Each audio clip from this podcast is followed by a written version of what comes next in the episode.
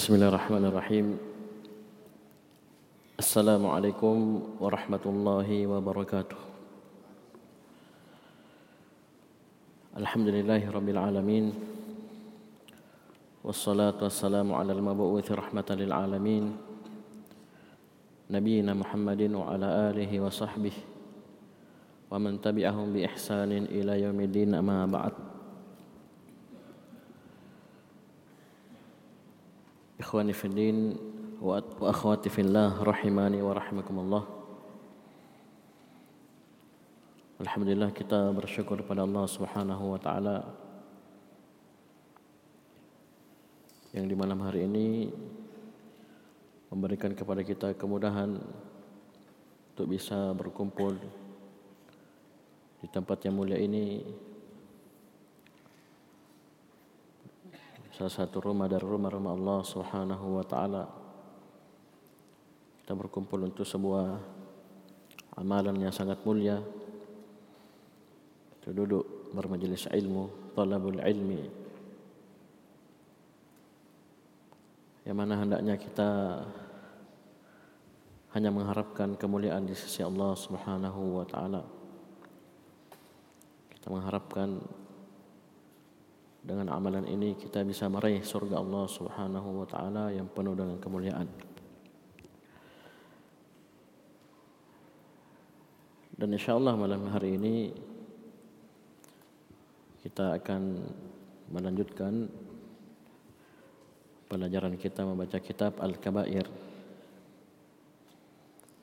karya Al-Imam Al-Hafidh Muhammad Ibn Ahmad Ibn Uthman Al-Zahabi rahimahullah kitab yang berisi tentang penjelasan dosa-dosa besar. Penjelasan tentang al-kabair, jamak dari kabirah itu dosa-dosa besar. Secara global di mukaddimah dan secara rinci beliau rinci satu persatu beserta dengan dalil-dalilnya.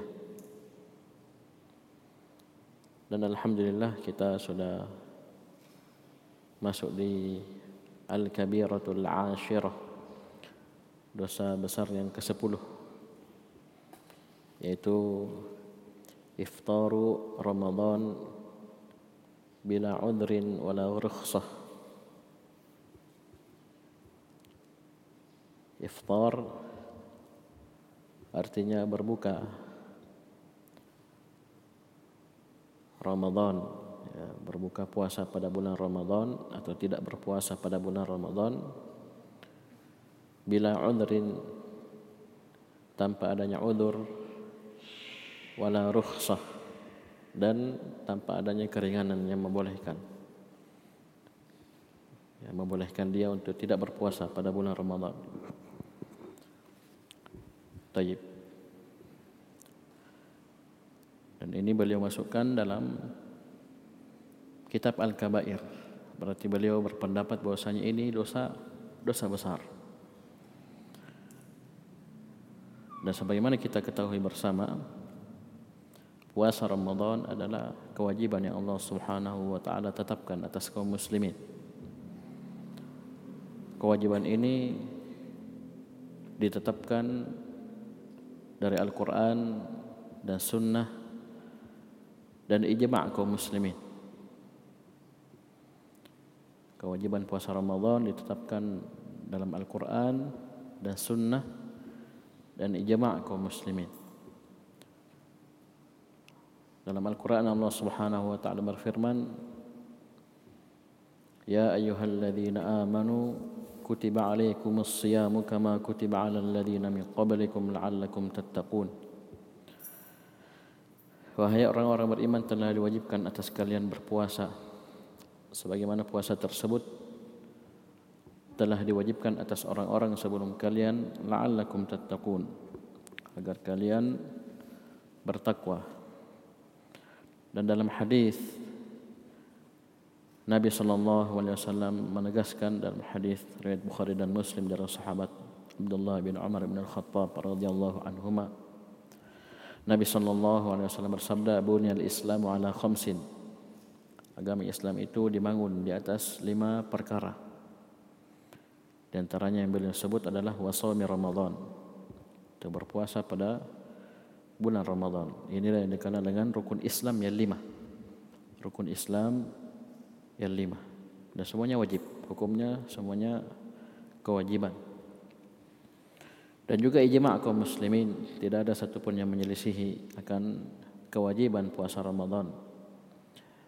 Tidak satupun yang menyelisihi tentang hukum kewajiban puasa Ramadan. Dan perhatikan kita butuh membahas sedikit tentang syarat-syarat yang ketika syarat-syarat tersebut ada pada seorang muslim atau muslimah maka dia wajib berpuasa pada bulan Ramadan. Sebutkan ada enam perkara, enam syarat kapan terkumpul pada diri seorang muslim atau muslimah maka dia hukumnya wajib melaksanakan puasa Ramadan. Yang pertama adalah dia muslim. Dia muslim. Ya, seorang muslim itu wajib untuk melaksanakan puasa Ramadan.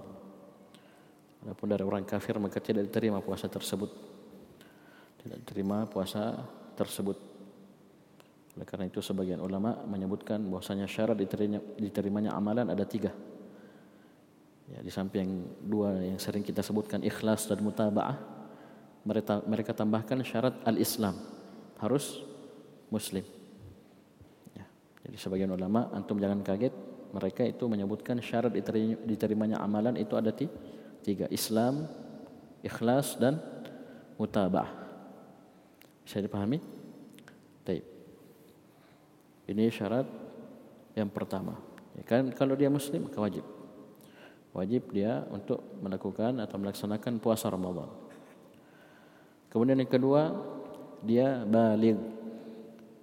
Dia sudah balik. Dan balik ini ya, sebagaimana disebutkan dalam buku-buku fikih ada tanda-tandanya. Ada tanda-tandanya. Di antaranya adalah seorang mengalami mimpi basah. Ya, mimpi basah. Dan mimpi berhubungan. Kemudian ketika dia bangun dia dapatkan basahan. Ya, basahan air mani. Bukan bahasan air kencing. Kalau bahasan air kencing ngompol namanya. Ya ngom ngompol. Ya kencing tempat tidur.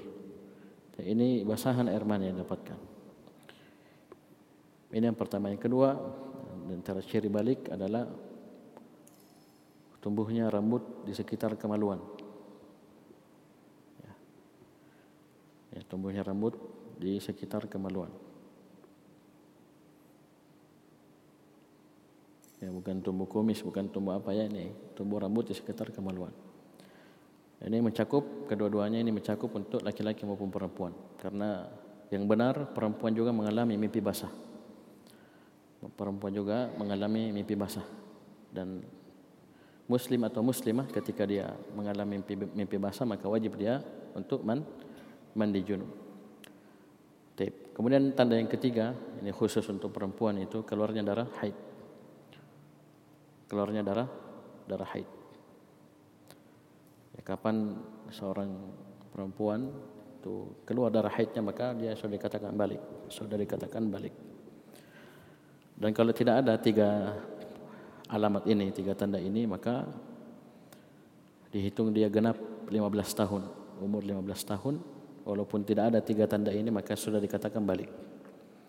Taib. Ini syarat yang kedua. Syarat yang kedua yang dengannya seorang wajib untuk melakukan puasa Ramadan itu ketika dia sudah balik, sudah balik. Adapun anak-anak yang belum balik, ya bukan berarti mereka tidak disuruh untuk berpuasa. Bukan berarti mereka tidak disuruh berpuasa, maka malah sebaliknya. Dari kecil mereka dibiasakan untuk melaksanakan kewajiban. Dari kecil mereka dibiasakan untuk meninggalkan perkara-perkara dosa dan maksiat. Dari kecil mereka dibiasakan dengan pakaian-pakaian yang syar'i, dengan kebiasaan-kebiasaan yang baik yang dengannya ketika mereka sudah balik kita tidak perlu repot lagi untuk membiasakan mereka. Kenapa? Dari kecil sudah terbiasa. Nah ini di antara perkara yang jadi masalah ketika si anak nanti disuruh puasa Ramadan nanti ketika sudah dewasa. Tentunya berat. Tentunya berat. Dia tidak biasa berpuasa sebelumnya, kemudian tiba-tiba disuruh berpuasa ditambah dengan ya bawaan ego yang sudah mungkin mulai muncul karena dia sudah meranjak dewasa maka dia berat disuruh untuk puasa Ramadan. Bisa dipahami? Jadi walaupun hukumnya tidak wajib atas anak-anak tapi dari kecil anak-anak itu diajar, dibiasakan puasa pada bulan Ramadan. Ini kebiasaan para sahabat. Kebiasaan para sahabat radhiyallahu anhum. Ketika mereka menangis dikasih main-mainan. Yang dengannya mereka capek main-main kemudian tertidur. Terti tertidur. Nanti ketika waktu berbuka puasa mereka berbuka puasa bersama orang dewasa. Ini yang keberapa ini? Syarat yang keberapa? Yang kedua? Kedua. Yang ketiga akil. Dia berakal dia berakal. Oleh karena itu orang yang majnun orang yang gila orang yang pingsan ya orang yang koma tidak sadar itu tidak diwajibkan untuk berpuasa pada kondisi tersebut. Termasuk orang mabuk ya orang mabuk ya di samping dia berdosa maka tidak sah puasanya. Tidak sah puasa puasanya. Karena ini hubungannya juga dengan niat ya, ketika dia masuk ya waktu fajar dalam keadaan ya mabuk atau semalam dia mabuk dia belum sempat berniat di malamnya maka tidak sah puasanya karena tidak ada niat. Karena niat syarat sah puasa. Ini kita yang kita bahas ini wajibnya, kewajibannya. Jadi syarat akil ini dia harus berakal ketika dia tidak gila, ya, akalnya waras, maka hukumnya wajib dia untuk berpuas berpuasa pada bulan Ramadan. Tep. Hukumnya wajib berpuasa pada bulan Ramadan. Kemudian yang keempat dari syarat wajibnya puasa Ramadan adalah qadir. Dia memiliki kemampuan. Ya. Dia memiliki kemampuan untuk berpuasa. Oleh karena itu keluar darinya orang-orang yang tidak mampu berpuasa dari orang-orang tua sudah tua ya ada orang tua mampu berpuasa ada ada yang tidak mampu ketika tidak mampu maka tidak wajib dia berpuasa Begitu pula orang sakit. Ya, orang orang sakit ketika dia tidak mampu berpuasa, maka boleh baginya untuk berbuka, iftar. Taib. Kemudian syarat yang kelima dia mukim. So kita kasih bahasa Arab ya. mukim. Dia mukim. Dia orang yang tidak sedang melakukan perjalanan. Dia orang yang tidak sedang melakukan perjalanan jauh, bukan musafir. Karena musafir itu ada rukhsah, ada keringanan. Ya, musafir orang yang sedang melakukan perjalanan jauh itu ada keringanan. Diberi keringanan untuk tidak berpuasa pada bulan Ramadan. Taib. Ini yang kelima, yang keenam, yang terakhir tidak ada penghalang berupa haid dan nifas. Dan ini khusus untuk perempuan. Khusus untuk perempuan tidak ada penghalang berupa haid dan nifas. Kenapa kita perlu membahas perkara ini? Itu syarat orang yang diwajibkan berpuasa pada bulan Ramadan. Karena ini ada hubungannya dengan ya, dosa besar yang ke-10 ini. Karena asalnya dalam syariat Islam ketika syarat-syarat ini tidak terpenuhi maka dia gugur kewajibannya. Ya, hukumnya tidak wajib seperti yang kita sebut sudah sebutkan sebagiannya. Ketika dia hilang akalnya, dia pingsan misalnya, dia koma, atau ada orang yang tidak mampu berpuasa, apa yang dia lakukan? Dia mungkin berbuka tapi nanti dia ganti. Ini di luar pembahasan kita. Apalagi misalnya yang keenam dia sedang haid atau nifas ya jelas tidak mungkin dia berpuasa haram wanita haid dan nifas untuk berpuasa bahkan tidak sah puasanya bukan ini yang kita maksud Tapi di sini adalah dosa besar yang ke-10 iftaru Ramadan bila udrin wala rukhsah. Itu berbuka puasa pada bulan Ramadan tanpa adanya udur sedikit pun dan juga tidak ada keringanan. Jadi tidak masuk ya dalam apa yang kita bahas tadi. Maksudnya apa? Enam syarat ini terpenuhi pada dirinya.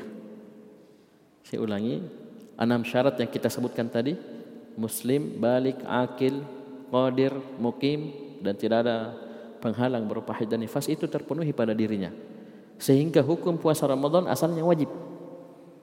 Wajib pada diri dirinya, wajib. Terpenuhi syarat wajib ini yang enam ini, terpenuhi. Tapi dia tinggalkan. Dia tinggal tinggalkan, tidak berpuasa. Ya, inilah dikatakan tanpa ada udur dan ruh ruhsah. Ya, jadi antum harus hafal yang enam ini. Jangan sampai antum Wah ini tidak puasa, oh, dosa besar itu. Ah, dosa besar. Mungkin dia tidak tahu ini sakit kah atau mungkin dia musafir ya sehingga makan coto. Ya, musafir boleh tidak berpuasa. Ya. Bisa dipahami, ini penting. Sehingga kita tidak masuk. Ya, ini mengatakan dosa besar, dosa besar padahal tidak terpenuhi syarat wajib itu sendiri. Jadi yang kita bahas ini setelah kita mengetahui enam syarat wajib ini bahwasanya yang kena ini ya yang dikatakan dosa besar ketika terpenuhi enam syarat wajib ini kemudian dia tidak berpuasa, berpuasa itu baru dosa besar. Dosa besar. Ya. Dosa dosa besar. Baik. Bisa dipahami? Ya, kita baca keterangan Adz-Dzahabi rahimahullah. Ya, qala al-Imam Al-Hafidz Muhammad ibn Ahmad ibn Uthman Al-Zahabi rahimahullah Al-Kabiratul Ashra dosa besar yang ke-10 Iftaru Ramadan bila udrin wala rukhsah Berbuka puasa pada bulan Ramadan atau tidak berpuasa pada bulan Ramadan itu tanpa adanya udur dan rukhsah. Beliau bawakan hadis qala Nabi sallallahu alaihi wasallam man aftara yawman min Ramadan min ghairi udrin wala rukhsah lam yaqdihi siyamud dahri walau sawmahu. Nabi sallallahu alaihi wasallam bersabda, barang siapa yang berbuka maksudnya tidak berpuasa yauman satu hari dari Ramadan, dari bulan Ramadan min ghairi udrin wala rukhsah tanpa adanya udur dan keringanan. Maksudnya terpenuhi enam syarat wajib yang kita sebutkan. Ya, terpenuhi enam syarat wajib yang kita sebutkan. Ya, dia berbuka, dia tidak berpuasa satu hari pada bulan Ramadan, maka lam yakdihi siyamud dahr. Puasa sepanjang tahun itu tidak bisa menebus satu hari tersebut. Lam yakdihi siyamud dahri. Jadi berpuasa terus menerus sepanjang tahun ya setiap hari itu tidak mampu menebus ya satu hari yang ditinggalkan walau somahu walaupun dia berpuasa melaksanakan puasa dahar tersebut dia puasa terus untuk mengganti ha? mengganti apa yang dia tinggalkan tersebut dengan sengaja. Tapi perhatikan kata Az-Zahabi hada lam yasbut. Hada lam yasbut. Hadis ini tidak sabit. Ya, ada kelemahan. Ya hadis ini ada kelemahan. Ini syarat dari Az-Zahabi rahimahullah. Taib. Walaupun hadis ini ada kelemahan tapi sebagian sahabat berpendapat dengan pendapat ini seperti disebutkan dalam apa riwayat bahwasanya Ibnu Mas'ud dan Abu Hurairah keduanya berkata la yujzi'uhu qada'uhu wa in dahra ketika seorang sengaja sengaja meninggalkan satu hari puasa pada bulan Ramadan Ibnu Mas'ud dan Abu Hurairah berpendapat la yujzi'uhu qada'uhu wa in dahra. Tidak sah dia mengkodok satu hari tersebut walaupun dia puasa sepanjang tahun. Bisa dipahami? Jadi walaupun ini tidak sabit dari Nabi SAW ada kelemahan, tapi sebagian sahabat seperti Ibnu Mas'ud dan Abu Hurairah itu berpendapat seperti makna dari hadis. Maksudnya apa? Berarti kalau begitu apa Ustaz? Dia tidak qadha apa dia bikin berarti? Yang wajib adalah taubat. Taubat kepada Allah Subhanahu wa taala. Dan ini menegaskan kepada kita agungnya dan besarnya kedudukan satu hari puasa pada bulan Ramadan. Karena Abu Hurairah dan Ibnu Mas'ud berpendapat bahwasanya walaupun dia puasa sepanjang tahun maka itu tidak bisa menebus dosa ya dia meninggalkan satu hari pada bulan Ramadan. Tapi pendapat jumhur ya, tapi pendapat jumhur imam yang empat Imam Abu Hanifah, Malik, Asy-Syafi'i dan Ahmad itu mereka berpendapat wajib diqadha. Ya, saya ulangi pendapat jumhur ya jumhur ulama dan imam yang empat Imam, Imam Abu Hanifah, Malik, Asy-Syafi'i dan Ahmad itu mereka berpendapat annahu yajibu alaihi qada'uhu wajib baginya untuk mengqada puasa yang ditinggalkan tersebut bisa dipahami? Taib. Jadi ini dua pendapat ya tentang permasalahan orang yang sengaja meninggalkan puasa Ramadan. Apa yang dia lakukan? Taib. Ya, jumhur ulama mengatakan dia wajib mengqadha puasa tersebut. Tapi sebagian mengatakan ya tidak, tidak ada qadha untuknya. Ya, tidak ada qadha untuknya. Dan ini juga pendapat Ibnu Hazm. Ya, Ibnu Hazm dari Zahiriyah. Taib.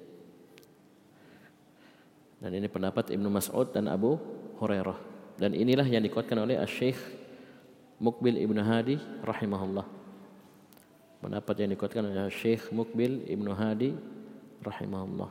Bahwasanya orang yang sengaja meninggalkan puasa pada bulan Ramadan maka dia kewajibannya bertobat ya bertaubat kepada Allah Subhanahu wa taala. Bukan mengqadha bukan mengqadha taib kemudian kata Az-Zahabi rahimahullah wa qala alaihi salatu wassalam ini sudah kita lewati di muqaddimah. Taib as-salawatul khams wal jumu'atu ila jumu'ati wa ramadhanu ila ramadhan mukaffiratun atau kaffaratun lima bainahun kabairu. Nabi sallallahu alaihi wasallam bersabda hadis riwayat Muslim hadis riwayat Muslim. Nabi sallallahu alaihi wasallam bersabda ini menjelaskan tentang keagungan puasa Ramadan as-salawatul khamsu. Ya salat salat yang lima salat lima waktu yang wajib. Wal jum'atu ila jum'ah, Jumat satu ke Jumat yang lainnya. Wa Ramadan ila Ramadan dan Ramadan satu ke Ramadan yang lainnya. Itu semuanya kafarat. Itu merupakan penghapus penggugur dosa antara keduanya. Taib. Para ulama menyebutkan yang dimaksud yang dosa yang digugurkan dosa-dosa kecil. Dosa-dosa kecil. Karena dosa-dosa besar itu wajib taubat. Ya. Dia tidak akan gugur dengan ya dengan amalan soleh. Tapi wajib taubat. Ya, dia wajib tahu taubat. Oleh karena itu Nabi lanjutkan majatuni batil kabair selama dosa besar dijauh dijauhi. Ya, selama dosa besar dijauhi. Dan ini kita sudah sebutkan dari surah An-Nisa di awal juz 5 in tajtanibu kaba'ira ma tunahuna anhu nukaffir ankum sayyi'atikum wa nudkhilkum mudkhalan karima. Jika kalian menjauhi yang besar-besar ya kabair dosa-dosa besar yang kalian dilarang darinya maka apa kata Allah Subhanahu wa taala dalam surah Nisa di juz 5 di awal juz 5 nukaffir ankum sayyi'atikum. Kami akan hapuskan dari kalian dosa-dosa kalian ya bayangkan ya. Ya kita meninggalkan dosa besar maka akan terhapus dosa dosa kecil. Ya. Taib. dia sampai situ. Wa nudkhilkum mudkhalan karima. Dan kami akan masukkan kalian ke dalam tempat yang penuh dengan kemuliaan itu sur surga. Sur surga. Nah ini kita sudah jelaskan bagaimana sampai Nabi menyebutkan wa Ramadan ila Ramadan. Ramadan satu ke Ramadan yang setelahnya satu tahun satu tahun dia tidak melakukan dosa dosa besar. Mungkin, mungkin. Tapi sebagaimana kita sudah jelaskan, Salat lima waktu ini yang paling dasar. Ya, ini yang paling dasar. Antara maghrib dan isya, ya, dia duduk di masjid tidak ada satu dosa dosa besar pun yang dia yang dia laku lakukan. Maka itu penggugur dosa. Itu penggugur dosa. Antara isya dan subuh. Ya, tidak ada satu pun dosa besar yang dilakukan terus. Ya, kemudian zuhur ke asar, asar ke maghrib. 24 jam. Ketika ini terulang tujuh kali, tujuh hari, maka sepekan. Jumat ke Jum, Jumat. Ya, ini hari Jumat. Hari apa ini sekarang? Hmm. Ah, aja ini. Biar hari tidak tahu. Hari Sabtu. Ya, tidak percaya? Coba kalau bulan Ramadan, coba. Kalau bulan Ramadan terlihat hilal tadi sore. Bukankah ini sudah Ramadan? Tadi Syakban, sore Syakban, sekarang Ramadan. Jadi pergantian hari dalam Islam itu Hah? Ayo. Ketika terbenamnya matahari. Ya. Bayi yang lahir sebelum terbenamnya matahari dihitung lahir hari Jum Jumat. Tapi setelah ter, setelah terbenamnya matahari dihitung hari hari Sabtu. Beda akikahnya. Ya, beda akikahnya. Taib. Jadi dia dari Jumat ke Jumat tidak ada satu dosa besar pun. Majatuni batil kabair. Selama dosa besar dijauhi. Tidak satu dosa dosa besar pun dia lakukan. Ini terulang, terulang, terulang sampai setah, setahun. Jadi Ramadan ila Ramadan itu kafah, kafarat, mukaffirat, penghapus dosa. Coba bayangkan. Bisa dipahami? Syaratnya ini, majatuni batil kabairu. Selama dosa besar itu dijauhi, ditinggalkan. Taib. Ini kedudukan ya puasa Ramadan, ya bulan Ramadan. Kemudian kata Az-Zahabi rahimahullah, wa qala alaihi salatu wassalam ya, Nabi sallallahu alaihi wasallam bersabda ini yang kita isyaratkan tadi hadis Bukhari Muslim muttafaqun alaih dari Ibnu Umar Bunyal Islamu ala khamsin. Agama Islam itu dibangun di atas lima perkara. Agama Islam itu dibangun di atas lima perkara. Yang pertama, syahadati an la ilaha illallah wa anna muhammadar rasulullah. Itu persaksian bahwasanya tidak ada yang berhak disembah kecuali hanya Allah dan Nabi sallallahu alaihi wasallam Nabi Muhammad sallallahu alaihi wasallam adalah utusan Allah. Dan ini dasar dari agama kita.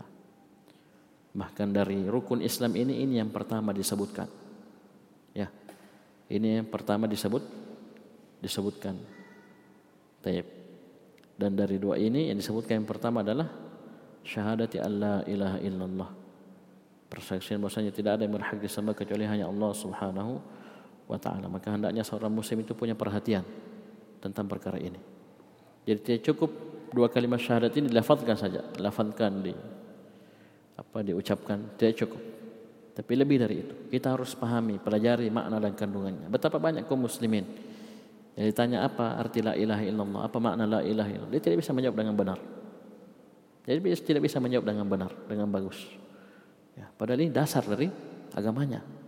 Ya, dasar dari seluruh amalan dalam agama. Bahkan dia dasar dan pondasi dari rukun Islam itu sendiri yang disebutkan. Ya, ada lima. Ini yang pertama. Kemudian yang kedua, iqamis salah, melaksanakan salat wa ita'iz zakah. Taib.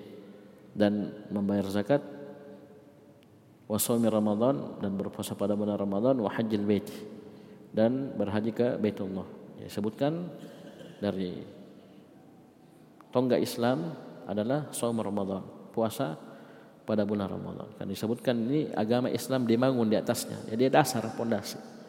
Ya, kapan ini tidak ada itu bisa ruh bisa rusak. Ya bisa rusak. Taib. Syekh Abdul Razak hafizahullah menyebutkan tentang pendapat yang kita sebutkan tadi bahwasanya ketika seorang itu meninggalkan puasa Ramadan dengan sengaja. Dia tidak berpuasa pada bulan Ramadan, sengaja dia tinggalkan satu hari saja. Itu beliau menguatkan pendapat bahwasanya ya tidak ada kodok untuknya. Syekh Abdul Razak Ibn Abdul Muhsin Al-Abad Al-Badar Hafizahumullah dalam syarahnya dalam kitab Al-Kabair ini. Kenapa kata beliau? Karena puasa Ramadan adalah ibadah yang telah ditetapkan waktunya. Ada waktu tertentu. Ya. Ditetapkan selama sebulan. Sebulan itu terdiri dari 29 atau 30 hari. Dia tinggalkan satu hari. Dia tinggalkan satu satu hari pada bulan Ramadan dalam keadaan dia memenuhi enam persyaratan tadi. Oleh karena itu dikatakan tidak ada udur, tidak ada ruh, rukhsah, ditinggalkan sengaja. Maka apa kata Syekh? Orang seperti ini berarti dia sudah tinggalkan puasa Ramadan pada waktunya.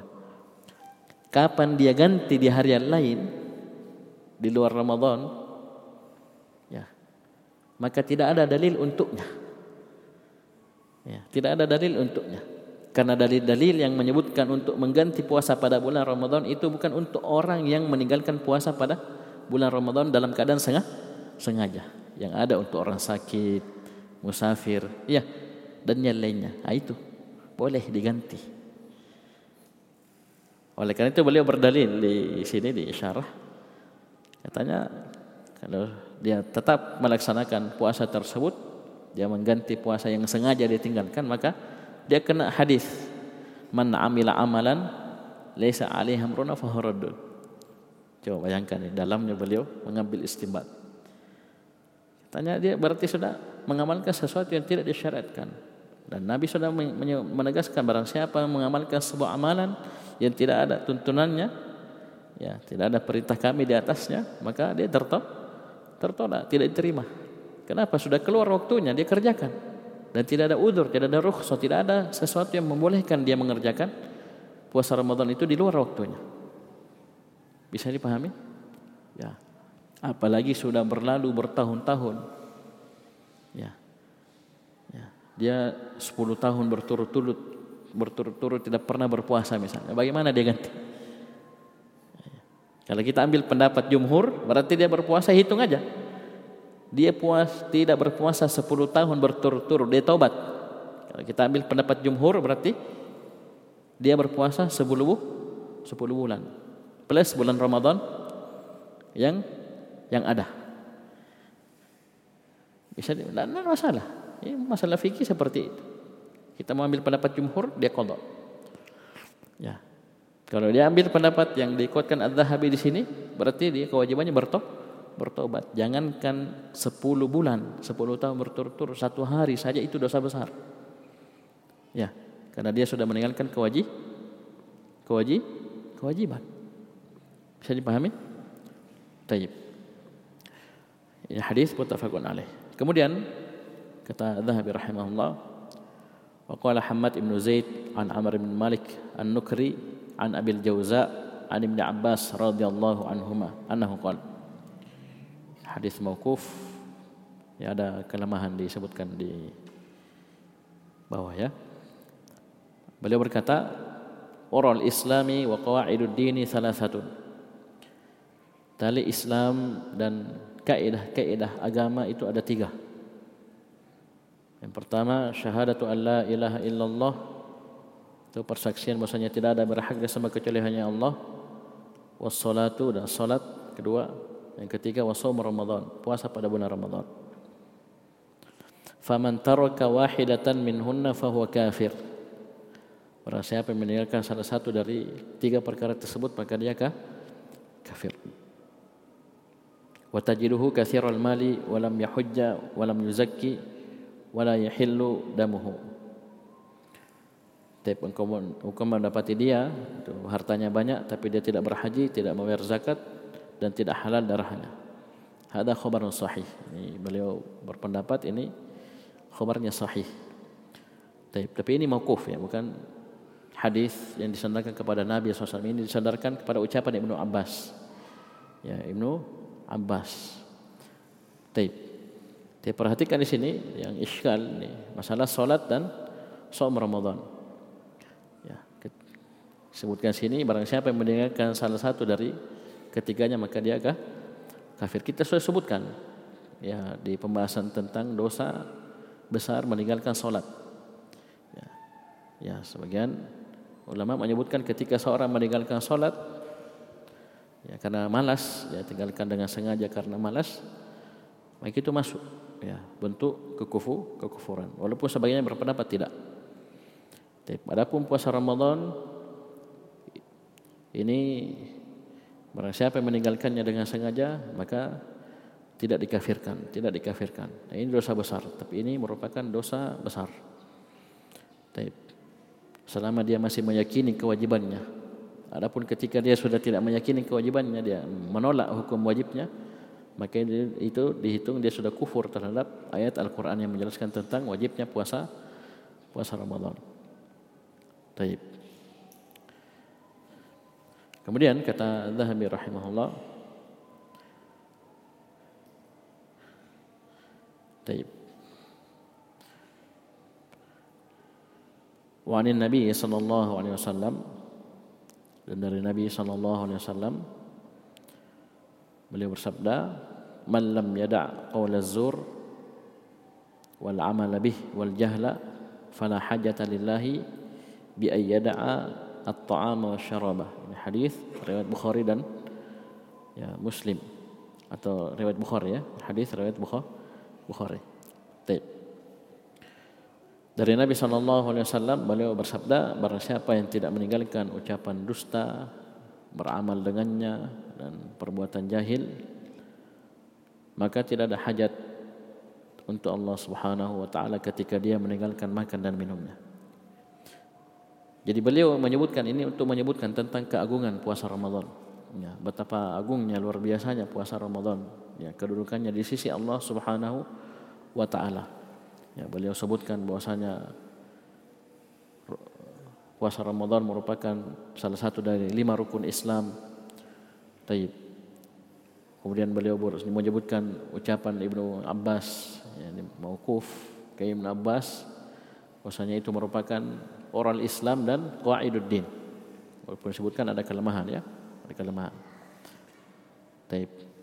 Dan ditegaskan barang siapa yang meninggalkan salah satu dari tiga perkara tersebut itu hukumnya kafir. Tapi kita sudah sebutkan rinciannya. Taib. Di sini beliau menyebutkan barang siapa yang tidak meninggalkan ucapan dusta dan beramal dengannya dan perbuatan jahil fala hajata bi ay yada'a ta'ama syarab. Jadi ini orang jelas dia sudah menahan dari makan, minum dan berhubungan. Dia menahan diri dari pembatal-pembatal puasa, jelas. Tapi ketika dia tidak perhatikan ya adab-adabnya dia tidak meninggalkan ucapan dusta, beramal dengannya, dia tidak tidak tinggalkan ya dosa-dosa. Maka ini berpengaruh kepada puasanya. Berpengaruh kepada puasanya. Disebutkan Allah tidak butuh. Ya. Allah tidak butuh terhadap puasanya. Ketika dia meninggalkan makan dan minumnya Allah tidak butuh. Ini menunjukkan bahwasanya apa? Hukumnya tetap wajib. Dia tetap wajib berpuasa. Tetap dia wajib menahan sampai terbenam matahari.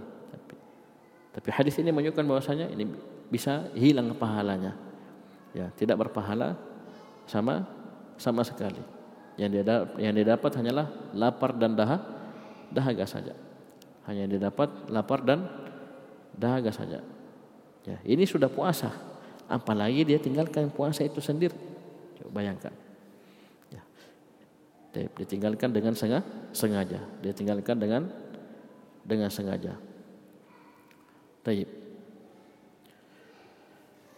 Kemudian kata Adzahabi rahimahullah وعن النبي صلى الله عليه وسلم أنه قال رغم أنف امرئ أدرك شهر رمضان فلم يغفر له dari Nabi Shallallahu Alaihi Wasallam celaka seorang yang mendapati bulan Ramadan kemudian dia tidak diampuni dosanya oleh Allah Subhanahu Wa Taala. Ya. Karena bulan Ramadan bulan yang penuh dengan ampunan bulan yang penuh dengan ampu ampunan. Coba antum perhatikan. Puasa itu mendidik kita untuk meninggalkan perkara dosa dan maksiat. Kita sudah sebutkan tadi. antara solat satu ke solat yang lainnya itu sudah penghapus dosa. Ya enggak? Ya. Ya selama dia berpuasa dari subuh ke zuhur, zuhur asar, asar maghrib, ya, ya solat satu ke solat yang lainnya. Tidak ada dosa besar dia lakukan. Maka sudah penghapus doh, dosa. Ya. Ya. Di luar Ramadan saja penghapus dosa, apalagi pada bulan Ramadan. Kemudian puasa itu sendiri. Nabi sallallahu alaihi wasallam bersabda, "Man shoma Ramadhana imanan wa ihtisaban, ghufira lahu ma taqaddama min dhanbi." Barang siapa yang berpuasa pada pada bulan Ramadan karena iman, dia meyakini kewajiban puasa tersebut bentuk keimanan kepada Allah Subhanahu wa taala wa ihtisaban dan dia mengharap pahala di sisi Allah Subhanahu wa taala dengan puasanya tersebut. Apa balasannya? Ghufira lahu ma taqaddama min dhanbi akan diampuni dosanya yang telah telah lalu. Ini puasanya. Yang kedua, qiyam Ramadannya, salat tarawihnya. Nabi sallallahu alaihi wasallam bersabda, "Man qama Ramadhana imanan wa ihtisaban, ghufira lahu ma taqaddama min dhanbi." Barang siapa yang melakukan qiyam Ramadan, itu salat tarawih. Ya. Salat tarawih qiyam Ramadan dia lakukan iman wahtisaban harap pahala di sisi Allah Subhanahu wa taala maka akan diampuni dosanya yang telah telah lalu. Kemudian terakhir yang ketiga yaitu ketika dia mendapati malam Lailatul Qadar.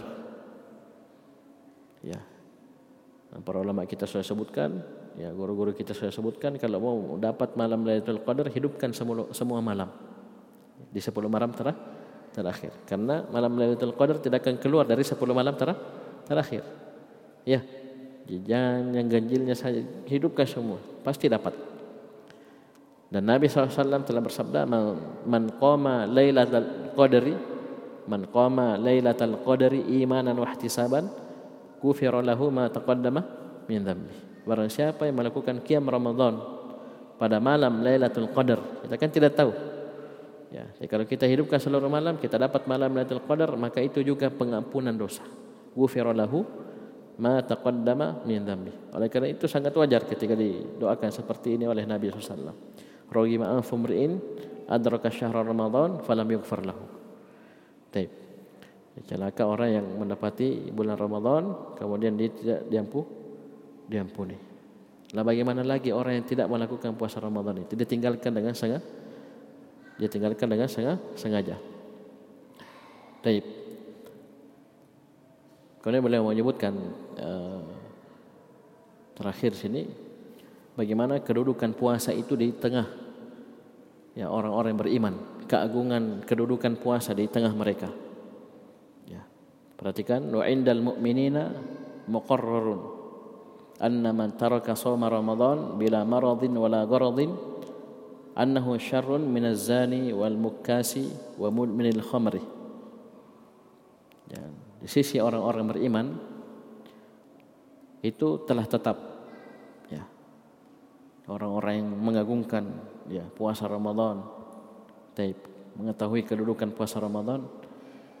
Itu telah tetap bahwasanya barang siapa yang meninggalkan puasa Ramadan tanpa ada sakit wala gharad ya, tidak ada udur ya. Maka annahu syarrun minaz zani ini lebih jelek daripada orang yang berzina wal mukas mukas ini orang yang tukang palak ya, tukang palak wal wa mudminil khamri dan orang yang pecandu khamr ya pecandu khamr ini boleh sebutkan agar kita merenung bahwasanya sebesar seagung itu kedudukan kedudukan puasa Ramadan. Ya. Bal yashukkuna fi islami, bahkan mereka meragukan keislamannya. Ya. Wa yadhunnuna bihi az-zandaqah wal inhilal. Mereka mengira bahwasanya orang yang seperti itu yang meninggalkan puasa Ramadan dengan sengaja itu masuk dalam golongan orang-orang zindik, orang-orang orang-orang munafik yang lemah keimanannya. Taib. Jadi maksudnya di sini Beliau ingin menjelaskan kepada kita bahwasanya orang-orang yang kuat keimanannya ya, itu pasti akan mengagungkan puasa Ramadan. Ya. Berbeda orang ini ketika dia meninggalkan puasa Ramadan dengan sengaja tanpa ada udur dan rukhsah, maka ini berarti dia sudah menyepelekan, menganggap enteng puasa puasa Ramadan. Paham? Ya. Ini puasa saja seperti ini apalagi salat beliau dihubungkan di syarah bahwasanya ini puasa Ramadan apalagi salat meninggalkan salat dengan sengaja. Ya, ini lebih lebih besar lagi konsekuensinya. Ya, lebih besar lagi konsekuensinya. Kita sudah lalui pembahasan tentang meninggalkan salat itu termasuk dalam kategori dosa dosa besar. Dosa dosa besar. Jadi kalau kita lihat dalil-dalil yang beliau sebutkan tidak ada yang tegas menjelaskan bahwasanya ya meninggalkan puasa itu ya masuk dalam dosa besar. Tapi cukuplah apa yang boleh sebutkan dari hadis Ibnu Umar tadi bahwasanya ini merupakan rukun Islam. Ya. Kan kalau yang kita sering sebutkan diancam dengan adab laknat ya neraka ya siksa apa. Ini kan jelas. Dia kabir kabir. Di sini beliau uraikan dalil-dalil ya mengisyaratkan akan hal tersebut. Ya seperti yang disebutkan tadi dari Abdullah bin Umar bin Al-Khattab bahwasanya ini adalah rukun Islam.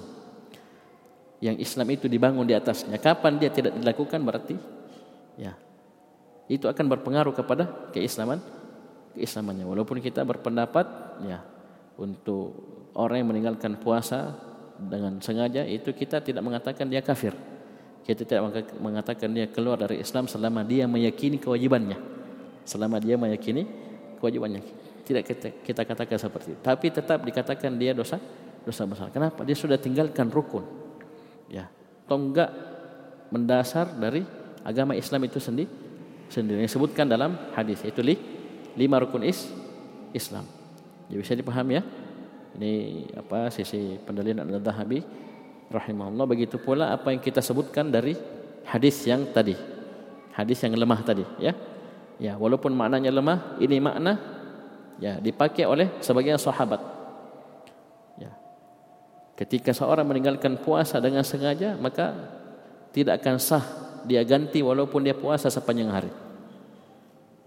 Ya, bisa dipahami. Ya. Dan itu pendapat siapa? Abu Abu Hurairah dan Ibnu Ibnu Mas'ud. Ya, Abu, Abu Hurairah dan Ibnu Mas'ud.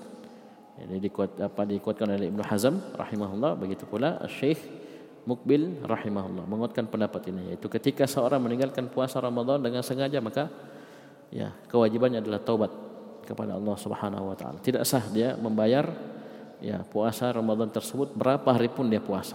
Itu satu hari. Bagaimana lagi kalau berhari-hari ya bertahun-tahun dia tidak berpuasa pada bulan Ramadan maka bersegera dia bertobat.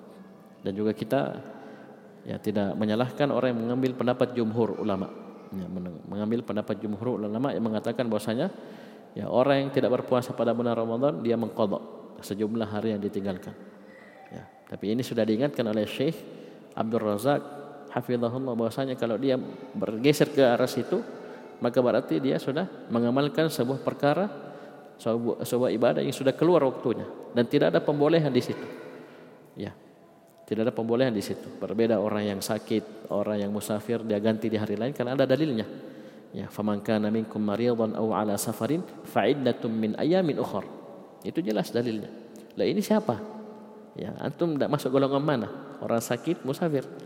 Tidak ada. Tapi ya, dia masuk dalam golongan orang-orang yang sengaja meninggalkan puasa Ramadan tanpa udzur. Maka kata Syekh Abdul Razak ini masuk dalam hadis man amila amalan laisa alaihi amruna fahuwa fahuwa raddun fahuwa raddun Allah taala alam bisawab ya, ini dosa besar yang ke-10 insyaallah kita masuk nanti di pertemuan selanjutnya. Dosa besar yang ke-11 al-firaru minaz zahf lari. Ya dari medan perang. Ya dari medan jihad. Taib. dan ini ada rinciannya ya. Bukan sekedar lari mundur saja ya. Karena sebagian ya strategi perang itu ada bentuknya dia mundur ke belakang. Ya, dia mundur ke belakang untuk bergabung dengan pasukan yang lainnya atau atau bentuk yang lainnya. Bukan lari asalnya hakikatnya tapi Itu strategi perang. Yang dimaksud sini ya lari betulan. Ya, lari betulan. Ya, meninggalkan medan medan perang. Tape. Ya. Cukup dulu. Sekian. Subhanallah hamdik. Asyhadu an la ilaha illa anta astaghfiruka wa atubu ilaik. Wassalamualaikum warahmatullahi wabarakatuh.